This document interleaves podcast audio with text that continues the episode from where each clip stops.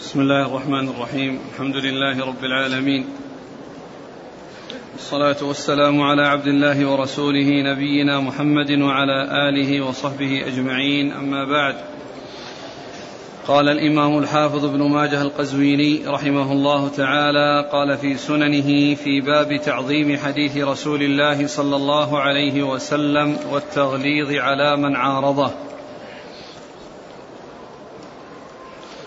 الحديث الثالث قال حدثنا أبو مروان محمد بن عثمان العثماني قال حدثنا إبراهيم بن سعد بن إبراهيم بن عبد الرحمن بن عوف عن أبيه عن القاسم بن محمد عن عائشة رضي الله عنها أن رسول الله صلى الله عليه وعلى آله وسلم قال من أحدث في أمرنا هذا ما ليس منه فهو رد.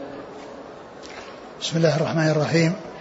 الحمد لله رب العالمين وصلى الله وسلم وبارك على عبده ورسوله نبينا محمد وعلى آله وأصحابه أجمعين. أما بعد فقد أورد الإمام ابن ماجه رحمه الله في هذا الباب باب تعظيم حديث الرسول صلى الله عليه وسلم والرد والتغليظ على من عارضه. أورد في هذا الحديث عن عائشة رضي الله عنها وأرضاها.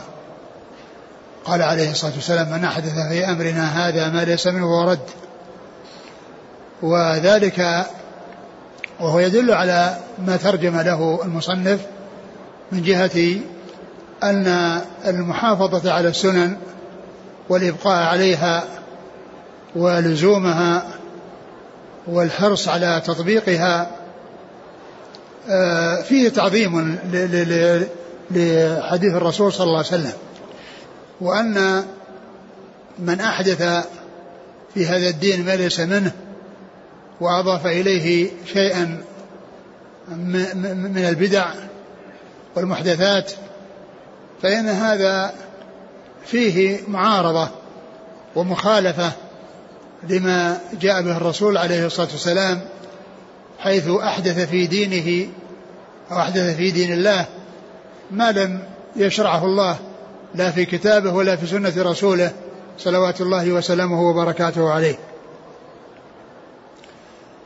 وهذا الحديث قاعدة عظيمة من قواعد الشريعة وهي أن ال ال ال ال ال الإنسان يتبع الحق والهدى ويترك ما خالفه مما أحدث في الدين فالحق هو اتباع الرسول عليه الصلاة والسلام فيما جاء به من الكتاب والسنة وعدم الزيادة على ذلك بإحداث أمور ما أنزل الله بها من سلطان.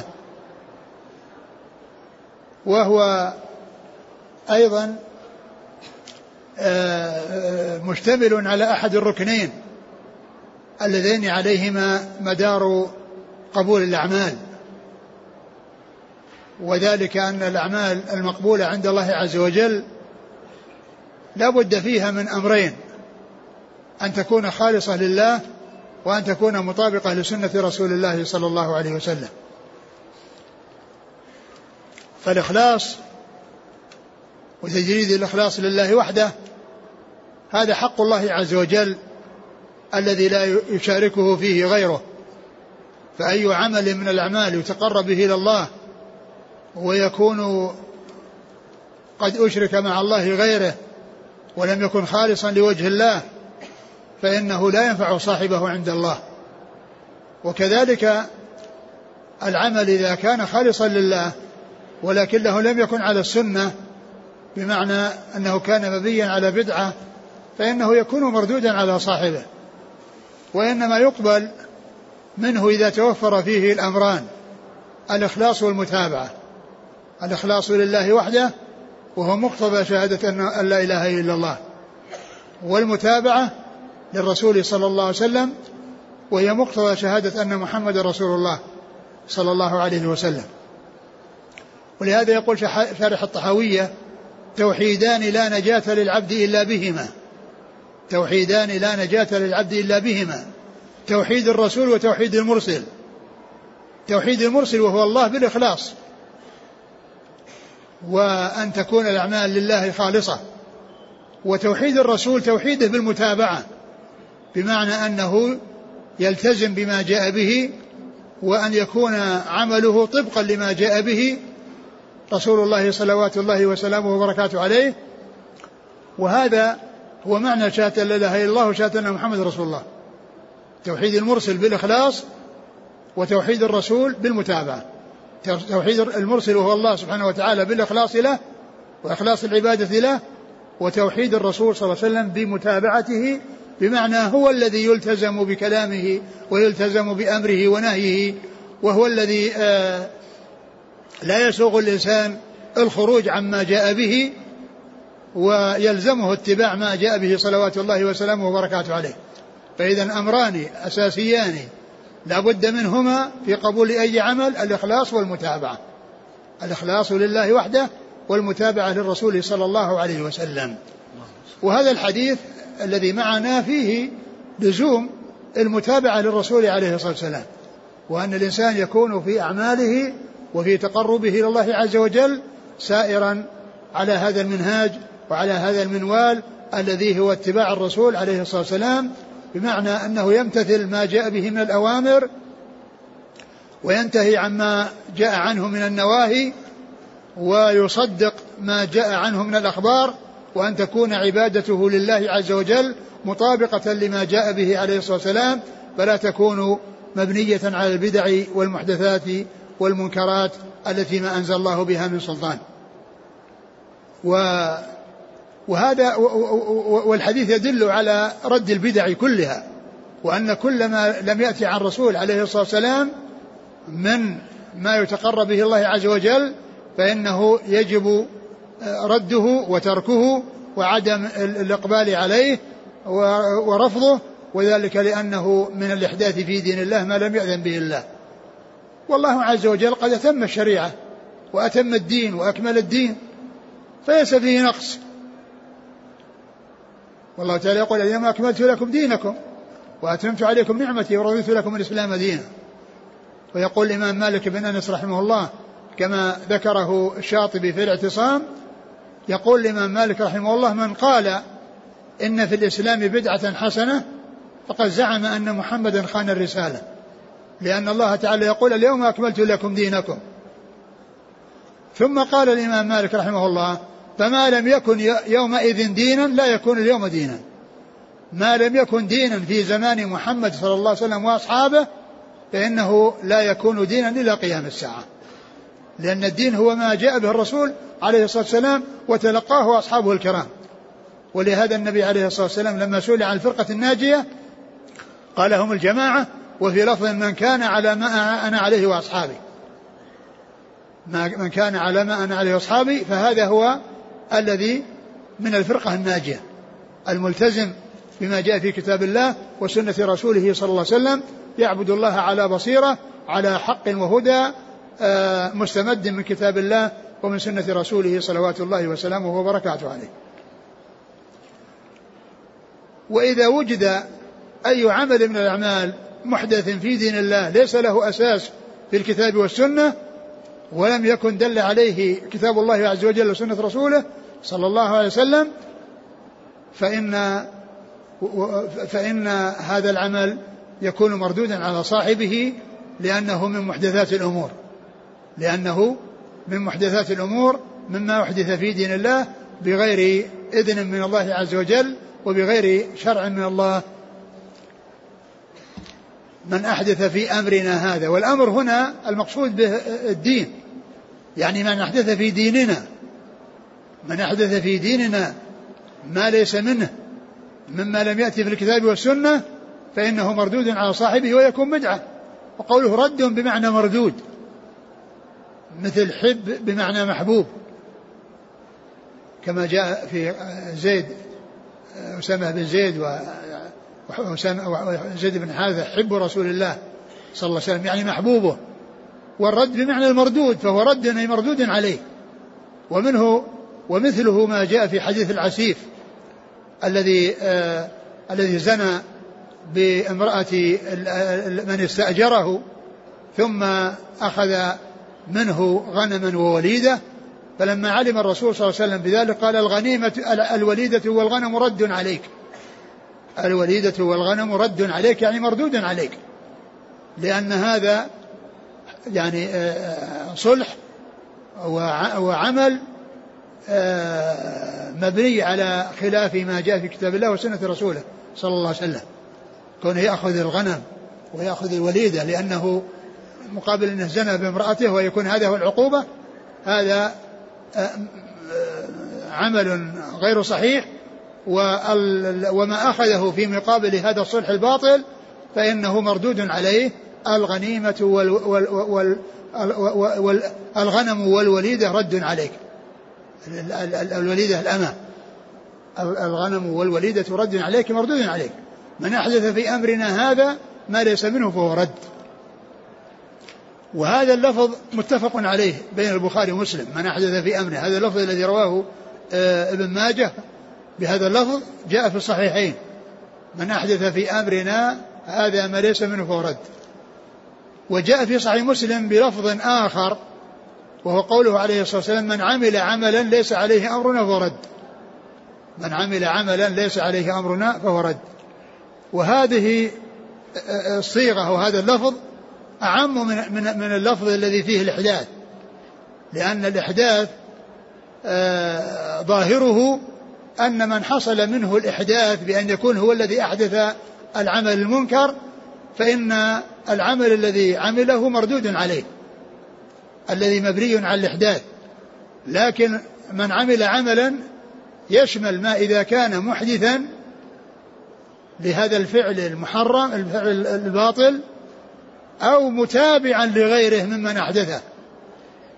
يعني سواء كان تابعا أو متبوعا. يعني سواء كان هذا الذي يعمله تابعا لغيره أو هو المحدث له الذي يتبعه غيره.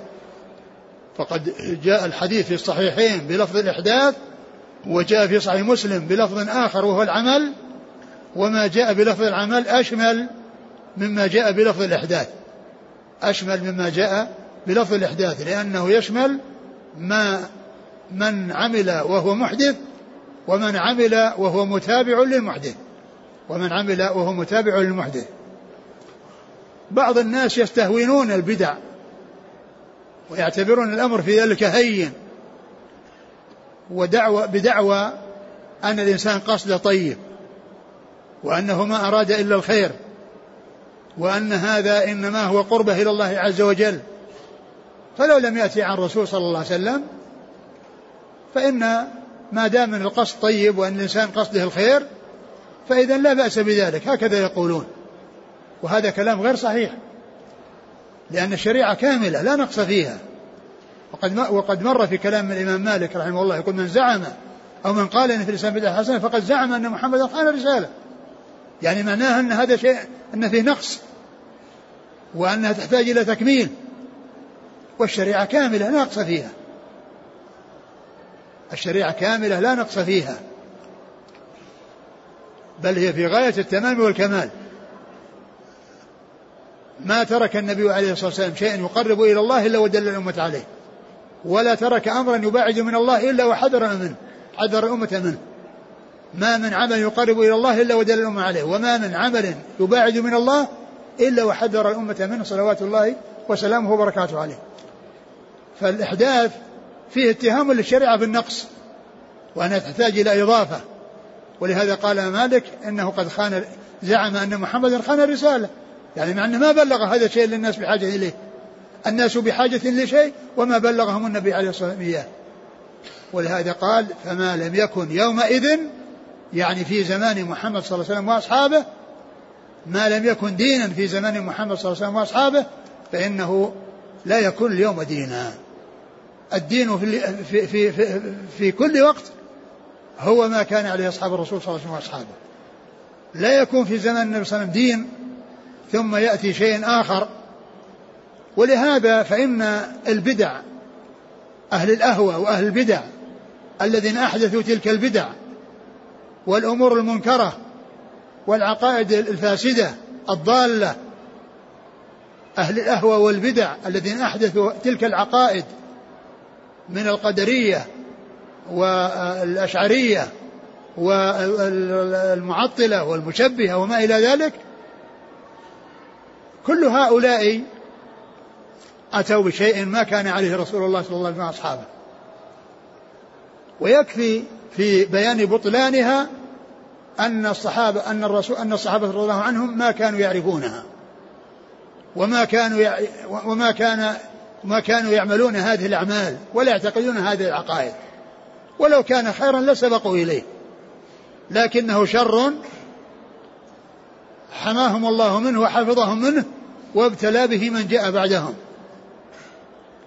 فلم تكن تلك العقائد الفاسدة والمذاهب الباطلة التي يعتقدها أهل البدع والضلال لم تكن حقا لأنها لو كانت حقا لسبق إليها السابقون بإحسان أصحاب الرسول عليه الصلاة والسلام.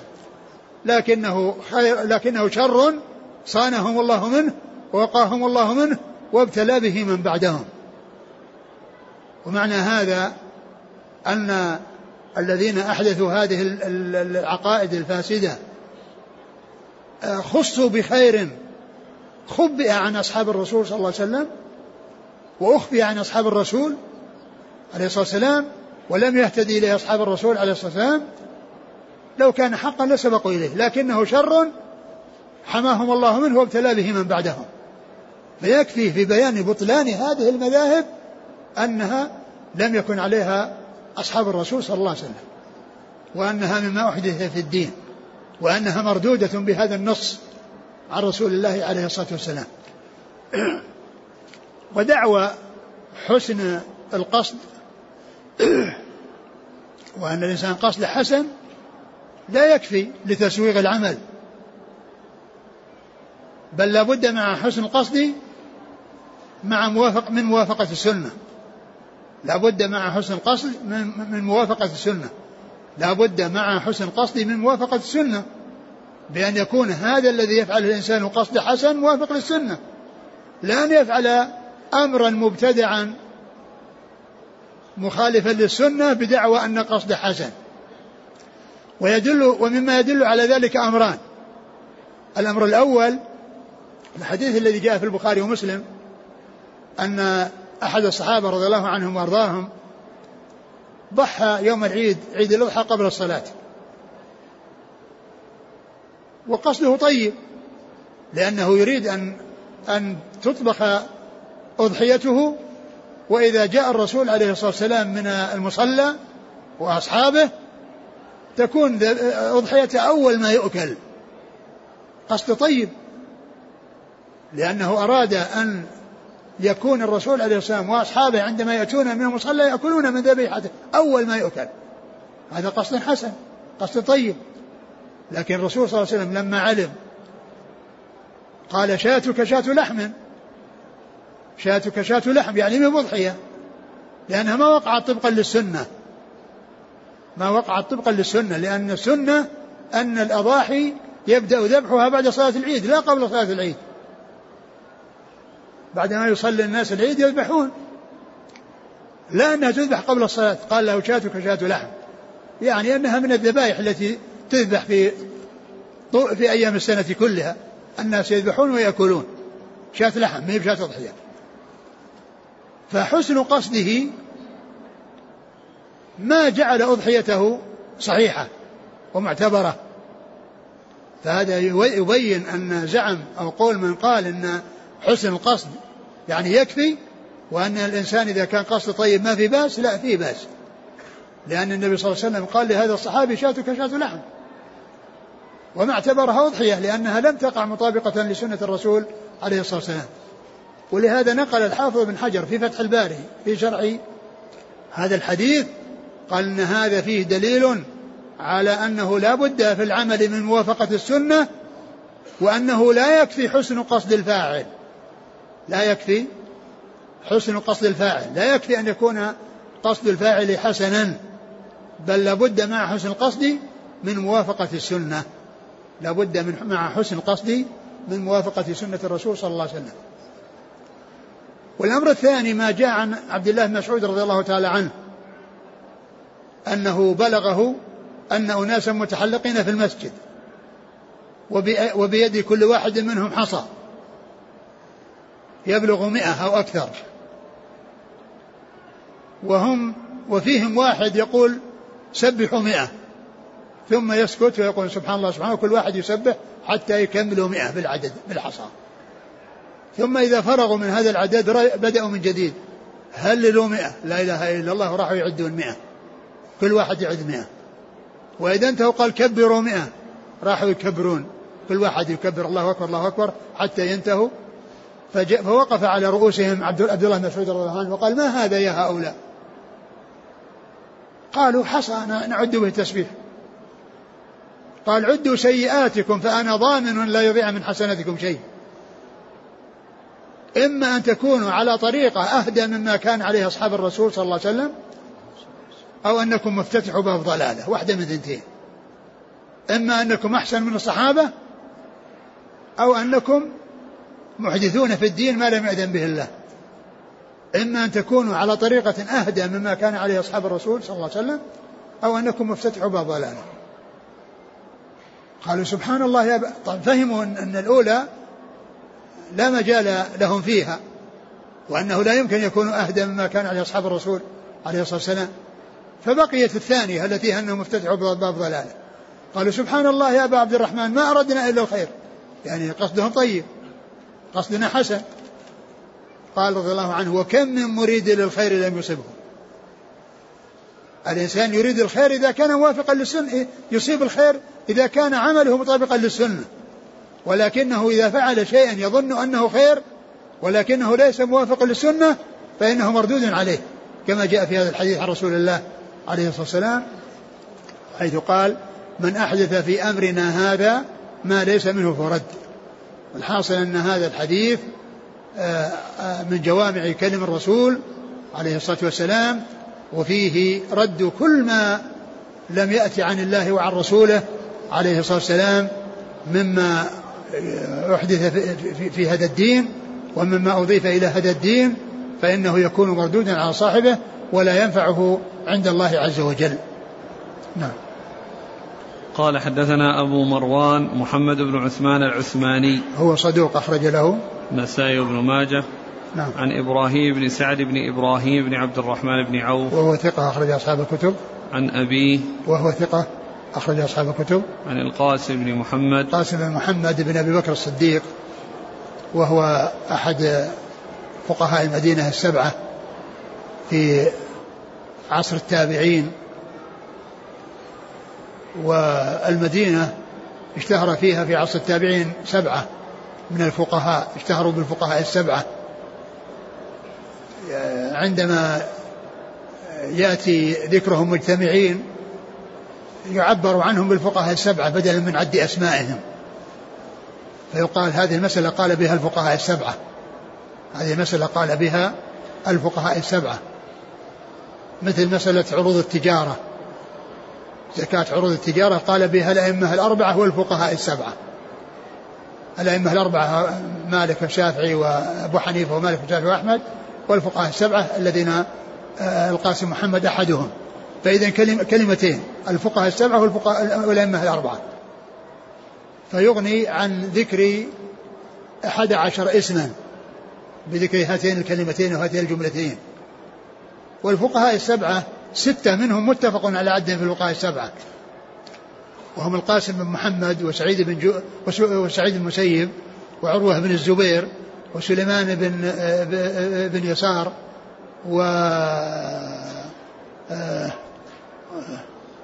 وخارجة بن زيد و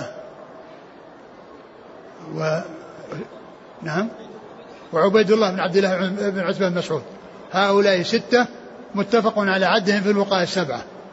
والسابع فيه ثلاث أقوال. قيل أبو بكر بن عبد الرحمن بن حارث بن هشام وقيل سالم بن عبد الله بن عمر وقيل أبو آه سلام آه أبو سلمة بن عبد الرحمن بن عوف. هؤلاء الثلاثة اختلف في عد آه، آه، كل واحد منهم قيل إنه السابع. وأما الستة الأولون فهؤلاء متفق على عدهم في الفقهاء السبعة. وابن القيم رحمه الله ذكر في مقدمة إعلام الموقعين الفقهاء في عصر الصحابة وفي عصر التابعين ولما جاء عند ذكر المدينة ذكر الفقهاء السبعة من فقهاء التابعين. في المدينة. وعدهم وذكر السابع منهم أبو بكر بن عبد الرحمن بن حارث بن هشام وذكر بيتين من الشعر يشتمل البيت الثاني على ذكرهم جميعا. والبيتان هما قول, هما قول الشاعر إذا قيل من في العلم سبعة أبحر روايتهم ليست عن العلم خارجة فقل هم عبيد الله عروة قاسم سعيد أبو بكر سليمان خارجة. البيت الثاني يشمل أسماء هؤلاء الفقهاء السبعة الذين هم الفقهاء في عصر التابعين. وهؤلاء الفقهاء السبعة كل منهم خرج إلى أصحاب الكتب الستة. كل منهم من رجال الكتب الستة. كلهم تابعون ومن فقهاء المدينة وكلهم قد أخرج له أصحاب الكتب الستة. آه عن عائشة أم المؤمنين رضي الله عنها وأرضاها وهي صديقة بنت الصديق وهي أحد السبعة أحد أشخاص سبعة. عرفوا بكثرة الحديث عن النبي عليه الصلاة والسلام. زادت أحاديثهم في الكتب الستة على أكثر من ألف حديث مع تفاوتهم. منهم من يكون مكثرا جدا ومنهم من يكون دون ذلك ولكنهم كلهم زادت أحاديثهم على الألف. هؤلاء السبعة اللي هم آه، آه، أبو هريرة وابن عمر وابن عباس وجابر وأنس وأبو سعيد وعائشة. ستة رجال وامرأة واحدة. وقد جمعهم السيوطي في الألفية بقوله والمكثرون في رواية الأثر أبو هريرة يليه بن عمر وأنس والبحر كالخدري وجابر وزوجة النبي. نعم. قال حدثنا محمد بن رمح بن المهاجر المصري. قال أخبرنا الليث بن سعد عن ابن شهاب عن عروة بن الزبير أن عبد الله بن الزبير رضي الله عنهما حدثه أن رجلا من الأنصار خاصم الزبير رضي الله عنه عند رسول الله صلى الله عليه وسلم في شراج الحرة التي يسقون بها النخل. فقال الأنصاري سرح الماء يمر فأبى عليه فاختصما عند رسول الله صلى الله عليه وسلم. فقال رسول الله صلى الله عليه وعلى آله وسلم اسق يا زبير ثم أرسل الماء إلى جارك. فغضب الأنصاري فقال يا رسول الله أن كان ابن عمتك؟ فتلون وجه رسول الله صلى الله عليه وسلم ثم قال يا زبير اسقي ثم احبس الماء حتى يرجع إلى الجدر. قال فقال الزبير والله إني لأحسب هذه الآية نزلت في ذلك فلا وربك لا يؤمنون حتى يحكموك فيما شجر بينهم ثم لا يجدوا في أنفسهم حرجا مما قضيت. ويسلموا تسليما. ثم ذكر ابن ماجه رحمه الله حديث آه، آه، حديث عبد الله بن الزبير رضي الله تعالى عنه أن الزبير أن والده الزبير رضي الله عنه وهو واحد من الأنصار اختصم في شراج الحرة يعني هو الماء الذي ينزل من الحرة وكان الزبير يعني مزرعته أعلى من مزرعة الأنصاري بحيث أنه يعني يأتي ثم إلى أرض الزبير ثم ينزل منها إلى أرض الأنصاري فاختصم إلى الرسول عليه الصلاة والسلام لأنه طلب أنه يرسل له الماء ما يخليه يبقى عنده. يعني يتركه ينزل ينزل إليه. لا يحجزه ويحبسه عنه بل أراد أنه يتركه ينزل إلى مزرعته التي هي أنزل من مزرعة الزبير. فالرسول صلى الله عليه وسلم قال له اسقي ثم أرسل إلى جارك يعني لأنه هو الأعلى فهو الأولى بالاستفادة من الماء ثم يتركه إلى ينزل إلى جاره. فالرجل قال أن كان ابن عمتك يعني ابن الزبير ابن عمة الرسول صلى الله عليه وسلم لأنه ابن صفية بنت عبد المطلب ابن عمة الرسول عليه فتلون وجه الرسول صلى الله عليه وسلم وتغير. ثم قال اسقي يا زبير واتركه حتى يصل إلى الجدر ثم أرسل إلى جارك. والمعنى أنه في أول الأمر أمره أن يتغاضى عن بعض حقه وألا يستوفي حقه كله اللي هو الزبير. يعني لأنه أعلى من آه الذي آه دونه فأراد منه أن يتغاضى عن بعض حقه وأن يستفيد بعض الشيء ثم يتركه ينزل إلى جاره حتى يستفيد. ثم إن الرسول عليه السلام أمره بعد هذا أن يأخذ حقه كاملا. يعني يأخذ حقه كاملا ثم يصل لأنه أراد في أول الأمر أنه يتغاضى عن بعض حقه وأنه يأخذ بعض حقه من الماء ثم يترك الماء لجاره. ولما قال الرجل ما قال الرسول صلى الله عليه وسلم أمر الزبير بأن يستوفي حقه الذي يستحقه. ثم بعد ذلك الحق لجاره لكن من, من ناحية التسامح والتعاون وكون الإنسان يتغاضى ويتسامح ويترك بعض حقه له ذلك إذا أراد. وهذا هو الذي أرشد إليه الرسول صلى الله عليه وسلم. أولا من أجل أن يستفيد هذا وهذا. لكن بعد ذلك لما قال الأنصاري ما قال قال النبي صلى الله عليه وسلم اسقي يا زبير حتى واحبس الماء حتى يصل الجدر. يعني إلى الجدر المقصود به ال ال ال الأحواض التي تكون حدود للأحواض يعني بحيث يمتلئ الحوض. ويصل إلى نهايته.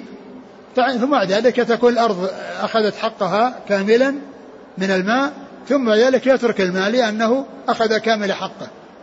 وقبل ذلك يعني معناه أنه لا يستوفي إلى أن تمتلئ الأحواض وإنما يكون أقل من ذلك حتى يستفيد يستفيد جاره. وهذا الحديث يدل على أن الأعلى وأن ما كان أعلى إذا كان يعني فإنه حق بالشرب من غيره لأن الماء يمر به فلا يمر به ثم يتجاوز دون أن يستفيد وإنما يستفيد الأعلى ثم يستفيد الذي أنزل. يستفيد الأعلى ثم يستفيد الذي أنزل. فالرسول صلى الله عليه وسلم حكم بهذا فيما يتعلق بأخذ بعض الحق أولا ثم بأخذ الحق كاملا وأن صاحب المزرعة الأعلى أو البستان الأعلى هو الأحق بالماء من غيره وإذا أخذ حقه فإنه يتركه ويرسله لغيره حتى يعني يستفيد منه.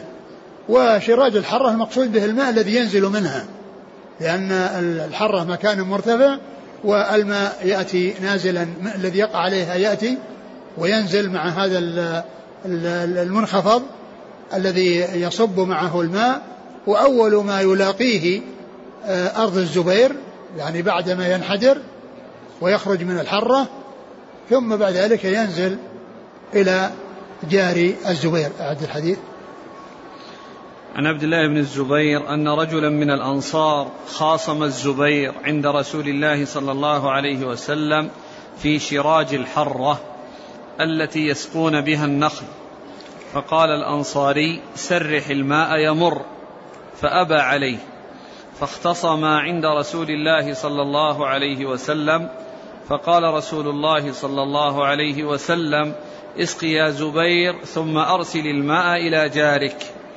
فغضب الأنصاري فقال يا رسول الله أن كان ابن عمتك. فتلون وجه رسول الله صلى الله عليه وسلم. ثم قال يا زبير اسقي ثم احبس الماء حتى يرجع إلى الجدر قال فقال الزبير والله إني لأحسب هذه الآية نزلت في ذلك فلا وربك لا يؤمنون حتى يحكموك فيما شجر بينهم ثم لا يجدوا في أنفسهم حرجا مما قضيت ويسلموا تسليما. وهذا وهذا الرجل الذي قال هذه المقالة قيل إنه إما يكون منافقا وهو يعني من الأنصار يعني الذين ومعلوم أن الأنصار يعني فيهم منافقون يعني الذين كانوا في المدينة الأنصار هم اللي كانوا في المدينة. ولكن الأنصار الذين هم صحابة الرسول والذين هم موصوفون بالصحبة والذين جاءت فضائلهم لا يقال أن, أن, أن, أن, أن منهم منافقين. لكن النفاق كان موجودا في المدينة لأن الدين ظهر فيها ومن كان مبطنا مظهرا الكفر اضطر إلى أن يبطنه. اضطر إلى أن يبطنه لظهور الإسلام وغلبته. ولهذا المهاجرون ما فيهم ما فيهم نفاق. المهاجرون ليسوا منها لأنهم جاءوا يريد نصرة الرسول صلى الله عليه وسلم. لكن المدينة التي فيها الأنصار منهم من آه، آه، إيمانه قوي وقام بنصرة الرسول صلى الله عليه وسلم ومنهم من آه، صار منافقا ظهر الإسلام وقوي فأراد أن يعيش بين المسلمين وأن يعيش في بلده وأن يبطن الكفر ويظهر الإيمان. وأن يبطن الكفر ويظهر الإيمان. فهو إما أن يكون منافقا وعلى هذا يكون ولا ربك لا يؤمنون على أصله وأنه ليس عنده الإيمان حتى يكون عنده آه، الاستسلام والانقياد لما جاء به الرسول صلى الله عليه وسلم وإما أن يكون من آه، من الأنصار أو من الذين ليسوا منافقين ولكن عنده آه، يعني عنده غلظة وعنده جفوة وعنده سوء يعني في, في, في القول فتلفظ بهذه الكلمة التي هي قوله أن كان ابن عمتك يعني أنك قلت هذا لأنه كان ابن عمتك يعني لقرابته منك. وعلى هذا فيكون قول فلو ربك لا يؤمنون يعني الإيمان الكامل. يعني حيث لم يكن منافقا ولم يكن كافرا يعني يكون مقصود ذلك نفي الإيمان الكامل.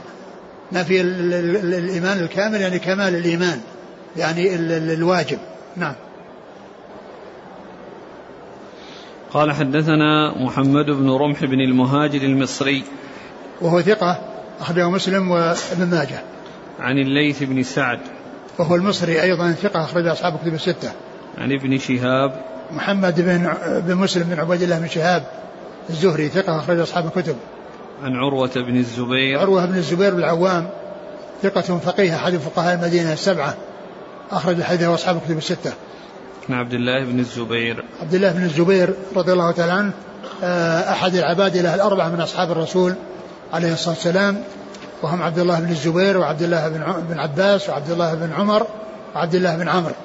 هؤلاء أربعة يقال لهم العباد له الأربعة من أصحاب الرسول عليه الصلاة والسلام وحديث عبد الله بن الزبير أخرجه أصحاب الكتب الستة. قال حدثنا محمد بن يحيى النيسابوري قال حدثنا عبد الرزاق قال أخبرنا معمر عن الزهري عن سالم عن ابن عمر رضي الله عنهما أن رسول الله صلى الله عليه وعلى آله وسلم قال لا تمنعوا إماء الله أن يصلين في المسجد. فقال ابن له إنا, لم إن إنا لنمنعهن. قال فغضب غضبا شديدا. وقال أحدثك عن رسول الله صلى الله عليه وسلم وتقول إنا لنمنعهن. ثم أورد الإمام ابن ماجه رحمه الله هذا الحديث عن عبد الله بن عمر رضي الله تعالى عنه وأنه حدث بحديث رسول الله عليه الصلاة والسلام قال لا تمنعوا إيماء الله مساجد الله لا تمنعوا إيماء الله مساجد الله. يعني لا يمنع نساءهم الاتيان إلى المساجد إذا أردنا ذلك. ولكن بيوتهن خير لهن كما جاء بذلك الحديث عن رسول الله عليه الصلاة والسلام. يعني صلاة المرأة في بيتها أفضل من صلاتها في المسجد. جاءت بذلك السنة عن رسول الله عليه الصلاة والسلام. كما أن الرجل صلاته في بيته أفضل من صلاته في المسجد بالنسبة للنافلة. وأما المرأة فصلاتها في بيتها مطلقا فرضا ونفلا أولى من صلاتها وأفضل من صلاتها في المسجد. ولكنها إذا رغبت أن تأتي المسجد فلا تمنع. كما جاء في هذا الحديث لا تمنعوا إماء الله مساجد الله. لا تمنعوا إماء الله مساجد الله. لأن المساجد يمكن أن تحصل فيها خيرا وتستفيد فيها علما وقد تسمع آه، موعظة وتذكيرا وتعليما وتوجيها قد تستفيد. لكن خروجها والإذن لها فيما إذا لم يكن هناك فتنة وفيما إذا ابتعدت عن أن آه، آه، تستعمل الشيء الذي يفتنها ويفتن بها من الرائحة الطيبة أو الملابس الجميلة والتزين وما إلى ذلك مما يكون فيه الفتنة. فالأصل كما جاء في الحديث هو الجواز وأنها لا تمنع يجوز المرأة ووليها يأذن لها لكن حيث لا يترتب على ذلك مضرة وحيث لا يترتب على ذلك فتنة وحيث أيضا لا يترتب على ذلك إخلال في بيتها وفي أولادها وفي من تحت ولايتها في البيت. فإذا طلبت ولم يكن هناك مانع يمنع ولم تكن متصفة بصفات آه، تجلب الشر إليها أو تجلب الشر إلى غيرها فإن وليها لا يمنعها لا تمنع إيماء الله مساجد الله. محل الشاهد من إيراد الحديث في تغليظ حديث الرسول رد على من عارضه أن ابنا لعبد الله بن عمر قال لنمنعهن فغضب عليه وقال أقول لك كلام الرسول صلى الله عليه وسلم وتقول لنمنعهن فزجره وهجره. وأغلب عليه في القول. وهذا هو المطابق لقوله والتغليظ على من عارضه. والتغليظ على من عارضه لأن هذا عارض هذا الحديث ب يعني الغيرة على النساء وأنها قد يترتب عليهم يترتب بذلك مضرة. ولكن إذا جاء سنة الرسول صلى الله عليه وسلم فإنه يجب العمل فإنه يتعين العمل بها عند الحاجة إلى ذلك بمعنى أنها إذا طلبت. أما إذا ما طلبت ما يقول لها اذهبي. وإنما إذا طلبت من ذلك فإنها آه تمكن من ذلك ولا يحال بينها وبين ذلك إلا إذا وجد أمرا يقتضي المنع. ولهذا أغلظ عليه القول أغلظ عليه القول لأنه عارض ذلك بما قاله إنا لنمنعهن فقال أقول لك أن الرسول صلى الله عليه وسلم قال كذا وتقول نمنعهن فأغلظ عليه القول وأنكر عليه. وهذا فيه دليل على إنكار من يخالف الإنكار على من يخالف السنة والإغلاظ عليه في القول وأن هذا هو الذي جاء عن الصحابة الكرام رضي الله تعالى عنهم وأرضاهم. لا تمنعوا إمام الله مساجد الله نعم. كمل. لا تمنعوا, لا تمنعوا إماء الله أن يصلين في المسجد. فقال ابن له إنا لنمنعهن. قال فغضب غضبا شديدا. وقال أحدثك عن رسول الله صلى الله عليه وسلم وتقول إنا لنمنعهن. لا تمنعوا إماء الله أن يصلين في المسجد يعني إذا طلبنا ذلك. لا تمنعوا. وفي بعض الروايات لا تمنعوا إماء الله مساجد الله. والحديث يعني جاء في الصحيحين وفي غيرهما. وفيه الجواز وليس للندب. يعني لا يندب للمرأة أنها تذهب المسجد لأنه يندب لها أن تصلي في بيتها كما جاءت في ذلك السنة عن رسول الله.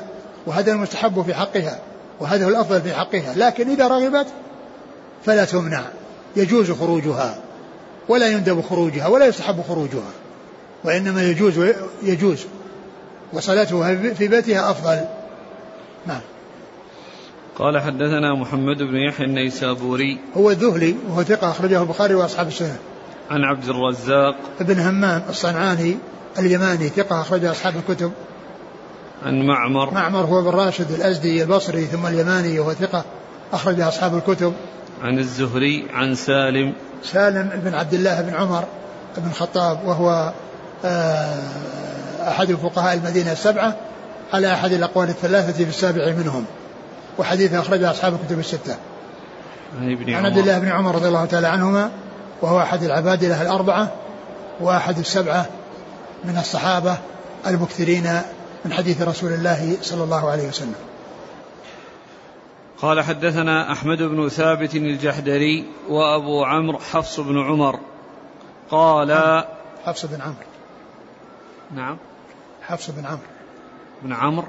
أين قال حدثنا أحمد بن ثابت الجحدري وأبو عمرو حفص بن عمرو قال حدثنا عبد الوهاب الثقفي قال حدثنا أيوب عن سعيد بن جبير عن عبد الله بن مغفل رضي الله عنه أنه كان جالسا إلى جنبه ابن أخ له فخذف فنهاه وقال إن رسول الله صلى الله عليه وعلى آله وسلم نهى عنها وقال إنها لا تصيد صيدا ولا تنكأ عدوا وإنها تكسر السن وتفقأ العين.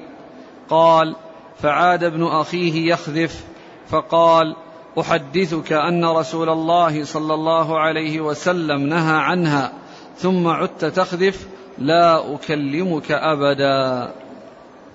ثم ورد حديث عبد الله بن مغفر رضي الله عنه وهو من جنس حديث عبد الله بن عمر المتقدم لأنه رأى ابن أخ له يخذف والخذف هو كونه يرمي بحصاة بين أصبعين من أصابعه إما بين السبابتين أو بين ال ال ال الإبهام والسبابة أو الإبهام والوسطى بحيث يعني آه، يرمي بها يخذفها فتنطلق وتصيب ما تصيب ولكنها لا يحصل بها المقصود من الصيد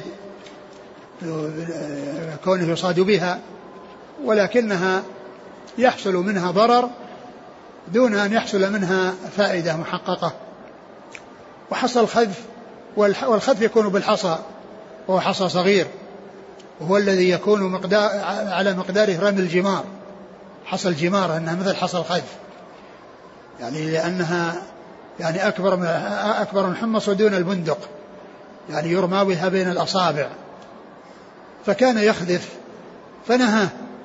وبعد ذلك رآه يفعل مرة أخرى. فأغلظ عليه بالقول. لأنه أولا بين له الحكم وعذره لأنه ما عنده معرفة بالحق.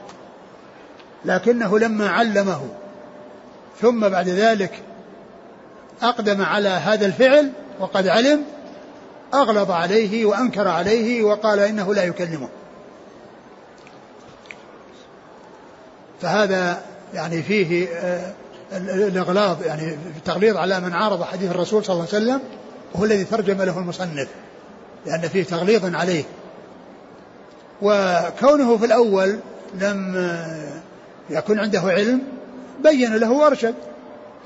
ولكنه لما فعل بعد أن علم أنكر عليه. لهذا يقول الشاعر إذا كنت لا تدري فتلك مصيبة وإن كنت تدري فالمصيبة أعظم. لأن من يعصي الله على بصيرة أعظم من يعصيه وهو جاهل. الذي يعصي الله على علم وعلى معرفة بالحق والهدى فإنه يكون أعظم وزرا وأعظم إثما ممن آه، ممن عصى وهو جاهل. لا يستوي من هو عالم ومن هو جاهل. من عمل العمل وهو جاهل به أغلظ منه وأشد وأعظم إثما وزرا من يعمل العمل وهو عالم به. ولهذا العالم الذي لم يعمل بعلمه هو أحد يسعر بهم النار يوم القيامة. كما جاء بذلك الحديث عن رسول الله صلى الله عليه وسلم. أول من والرسول صلى الله عليه وسلم يقول والقرآن حجة لك أو عليك. القرآن حجة لك أو عليك. حجة لك إذا قمت بما يجب عليك نحوه. وامتثلت أوامره واجتنبت نواهيه. فيكون حجة عليك إذا كنت بخلاف ذلك. إذا كنت بخلاف ذلك. الحاصل أن هذا الحديث مثل حديث عبد الله بن عمر رضي الله تعالى عنهما فيه آه، بيان السنن وأن من عارضها يغلظ عليه في القول وكذلك يؤدب بالهجر حيث ينفع الهجر لا سيما إذا كان الهجر من القريب كالأب والعم والشيخ ومن له تأثير على من يهجره. نعم. قال حدثنا أحمد بن ثابت الجحدري. هو؟ صدوق خرج ابن ماجه. نعم. وأبو عمرو حفص بن عمرو. هو؟ ثقة أخرجه أبو داود فضائل الأنصار وابن ماجه. نعم. عن عبد الوهاب الثقفي. هو عبد الوهاب بن عبد المجيد الثقفي ثقة أخرج أصحاب الكتب. عن أيوب. أيوب بن أبي تميم السختياني ثقة أخرج أصحاب الكتب. عن سعيد بن جبير. وهو ثقة أخرج أصحاب الكتب. عن عبد الله بن مغفل. عبد الله بن مغفل رضي الله عنه أخرج له أصحاب الكتب. قال حدثنا هشام بن عمار قال حدثنا يحيى بن حمزة قال حدثني برد بن سنان عن إسحاق بن قبيصة عن أبيه رضي الله عنه أن عبادة بن الصامت الأنصاري رضي الله عنه النقيب صاحب رسول الله صلى الله عليه وسلم غزا مع معاوية رضي الله عنه أرض الروم. فنظر إلى الناس وهم يتبايعون كسر الذهب بالدنانير وكسر الفضة بالدراهم. فقال يا أيها الناس إنكم تأكلون الربا. سمعت رسول الله صلى الله عليه وسلم يقول لا تبتاعوا الذهب بالذهب إلا مثلا بمثل لا زيادة بينهما ولا نظرة. فقال له معاوية يا أبا الوليد لا أرى الربا في هذا إلا ما كان من نظرة. فقال عبادة أحدثك عن رسول الله صلى الله عليه وسلم وتحدثني عن رأيك. لئن أخرجني الله لا أساكنك بأرض لك علي فيها إمرة. فلما قفل لحق لحق بالمدينة. فقال له عمر بن الخطاب رضي الله عنه ما أقدمك يا أبا الوليد؟ فقص عليه القصة. وما قال من مساكنته فقال ارجع يا أبا الوليد إلى أرضك فقبح الله أرضا لست فيها وأمثالك وكتب إلى معاوية لا إمرة لك عليه واحمل الناس على ما قال فإنه هو الآمر. إنه إنه هو الأمر. فإنه هو الأمر ولا الآمر؟ فإنه هو الأمر يعني الذي عليه هو الأمر يعني هو الحق. آه انتهى؟ اي نعم. هذا الحديث عن عبد الله بن مسعود رضي الله تعالى عنه. عن عبد الله؟ لا. عن عبادة بن الصامت نعم. عن عبادة بن الصامت رضي الله عنه أنه كان مع معاوية رضي الله عنه في غزو الروم ورآهم يتبايعون الكسر من الذهب والفضة بالذهب والفضة.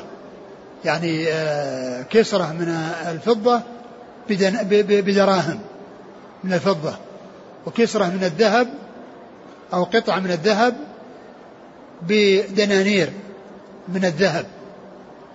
فأنكر يعني هذا العمل وبين أن الرسول صلى الله عليه وسلم نهى عن بيع الذهب بالذهب والورق بالورق إلا مثلا بمثل ويعني يدا بيد. يعني مثلا بمثل ويدا بيد يعني لا لا تفاضل ولا نسيئة. لا تفاضل ولا نسيئة إذا كان الجنس واحدا. إذا كان الجنس واحدا فإنه لا تفاضل ولا نسيئة. سواء كان يعني ال ال بعضه آه، قطعا أو بعضه آه، دنانير أو بعضه آه، حلي أو بعضه كسر. إذا كان الجنس واحدا لا بد من الاتفاق في الوزن. لا بد من الاتفاق في الوزن وأن يكون الوزن متحدا لقوله مثلا بمثل. وكذلك أيضا لا بد أن يكون يدا بيد. يعني ما فيه مهلة بمعنى أن واحد يأخذ اليوم آه، قطعة من الذهب ومن بكرة يأتي له بدنانير التي هي القيمة وإنما لا بد من هذا وهذا. فإذا اتحد الجنس فلا بد من أمرين التماثل والتقابض. وإذا اختلف الجنس لأن يكون ذهب مع فضة فإنه لا بد من التقابض ولكن التفاضل لا بأس به. التفاضل لا بأس به. بأن يكون آه، آه، الذهب الفضة ضعف الذهب في الوزن أو أضعافه. ما دام الجنس اختلف فإنه لا بأس بالتفاضل. أما إذا كان الجنس واحدا فلا بد من أمرين من التقابض من التماثل والتقابض. فلما وقال إنكم تأكلون الربا هذا ربا. يعني عملكم هذا ربا. فمعاوية رضي الله عنه قال إنه إذا كان نظرة. يعني معناها إنه إذا كان نظرة هذا هو الذي فيه الربا. الذي هو الربا الذي هو النسيئة. وهو الذي جاء فيه لا ربا إلا في النسيئة. ليس مقصود من ذلك إن إنه لا ربا إلا في النسيئة. أن أن ربا الفضل حلال. لأن الأحاديث كثيرة في تحريم ربا الفضل. ولكن بيان غلظ وشدة آه، ربا النسيئة وأنه أمره عظيم. فليس المقصود بذلك الحصر يعني بمعنى أن الربا لا يكون إلا في النسيئة وإذا كان ويخرج منه الفضل وإنما لبيان غلظ الربا في النسيئة. فهذا يسمونه قصر إضافي وليس قصرا حقيقيا. قصرا إضافي يعني وليس قصرا حقيقيا بمعنى أن الربا لا يكون إلا فيه ويكون مقصورا عليه بل هو ليس مقصورا عليه بل يكون فيه ويكون في آآ آآ في الفضل أيضا في التفاضل. فبعد ذلك يعني غضب عبادة بن الصامت وقال لئن لئن لئن عدت أو لئن إيش؟ لئن أرجعني الله قال لئن أخرجني الله لا أساكنك بأرض لك علي فيها لئن أخرجني الله يعني من من من هذا من هذا السفرة أو هذا الغزوة اللي كانوا فيها لا يساكنه في أرض له فيها إمرة يعني في المكان الذي هو في أميره الشام وإنما يذهب إلى المدينة فذهب إلى المدينة و آه، وفيها أمير المؤمنين عمر بن الخطاب رضي الله تعالى عنه وأرضاه ف اقرأ الحديث. عن عبادة بن الصامت الأنصاري النقيب صاحب رسول الله صلى الله عليه وسلم أنه غزا مع معاوية أرض الروم فنظر إلى الناس وهم يتبايعون كسر الذهب بالدنانير وكسر الفضة بالدراهم. الدنانير هي من من الذهب لأنها العملة التي تؤخذ من الذهب يقال لها دنانير والعملة التي تؤخذ من الفضة يقال لها دراهم. نعم كسر الفضة الذهب بالدنانير وكسر الفضة بالدراهم يعني معناه جنس واحد. نعم. فقال يا أيها الناس إنكم تأكلون الربا. يعني لأنه كان يتفاضلون فيه. إيه يعني كونهم يبيعونه يبيعونه بالتفاضل. يعني يتف... يعني ب... ب... ب... في تفاضل لأنه يعني ما كان وزن لأنها كسرة مع دراهم. ومعلوم أن الكسرة غير معروفة. الدينار معروف وزنه ولكن الكسرة غير معروفة الوزن. والجهل بالت... ب... ب... يعني ب... ب... الجهل بالتماثل كالعلم, كالعلم بالت... ب... بالتفاضل بالتفاضل. يعني معناه إنه ما دام إنه ليس محقق إن هذه وزن هذه معنى ذلك إن فيه آه، آه، عدم التساوي. مثل مثل كومة مع كومة أو كوم من من البر مع كوم من البر لا يجوز لأنه غير معروف مقداره مثل لأن قد يكون أحد الأكوام أكبر بعضها من بعض. يعني إذا كوم من البر مع كوم من البر زبرة من البر زبرة ما يجوز بيع هذه بهذه حتى يعرف الوزن. لابد من التماثل. فكذلك هنا إذا كان مثلا قطعة من من من الذهب يعني أو يعني إناء من الذهب يعني يباع بدنانير معناه ما في تساوي. لأن التساوي يكون بالوزن حيث يعرف وزن هذا ووزن هذا. يا أيها الناس إنكم تأكلون الربا. سمعت رسول الله صلى الله عليه وسلم يقول لا تبتاعوا الذهب بالذهب إلا مثلا بمثل. لا يعني زيادة. يعني كلمة الذهب بالذهب هذه مطلقة. يعني أي شيء من الذهب. يعني سواء كان على يعني حلي على أو أو تبر أو قطع أو أواني أو غير ذلك. يعني لا تبع الذهب بالذهب مطلقة. يعني من أي آه، على أي هيئة كان. وعلى أي صفة كان إلا وزنا بو... إلا مثلا مثل يعني بالوزن. نعم. لا زيادة بينهما ولا نظرة. نعم. فقال له معاوية يا أبا الوليد لا أرى الربا في هذا إلا ما كان من نظرة. فقال يعني, يعني معاوية رضي الله عنه يقول أنه يعني معناه أن الربا في النظرة. إذا كان يعني تبايعوا ذهب بذهب آه، متفاضل وتقابض ما في بأس. ولكن إذا كان نظرة بمعنى أنه باعه كسرة من الذهب بعدد من الدنانير والدنانير مؤجلة أو أخذ الدراهم والدنانير والقطعة مؤجلة هذا هو النظرة يعني التأجيل النسيئة. ومعاوية رضي الله عنه كان يعني يعني ولعله ما بلغه ما بلغه الحديث في ذلك. نعم. فقال عبادة أحدثك عن رسول الله صلى الله عليه وسلم وتحدثني عن رأيك؟ لئن أخرجني الله لا أساكنك بأرض لك علي فيها إمرة. نعم. فلما قفل لحق بالمدينة فقال له عمر بن الخطاب ما أقدمك يا أبا الوليد؟ فقص عليه القصة وما قال من مساكنته. فقال ارجع يا أبا الوليد إلى أرضك فقبح الله أرضا لست فيها وأمثالك. يعني ذم للأرض التي يكون فيها يعني يعني لا يكون فيها الخيار الذين يأمرون بالمعروف وينهون عن المنكر ويبصرون الناس بالدين فإنها تكون مذمومة. وإنما يعني التي يكون فيها من يدل على الخير ويأمر بالمعروف وينهى عن المنكر هذه البلاد المحمودة. نعم. وكتب إلى معاوية لا إمرة لك عليه واحمل الناس على ما قال فإنه هو الأمر. نعم يعني يحمل الناس على ما قال يعني من كونه الذهب بالذهب يعني لا يباع إلا متماثلا فإنه الأمر يعني هو الدين وهو الحق الذي عليه أمر الرسول صلى الله عليه وسلم.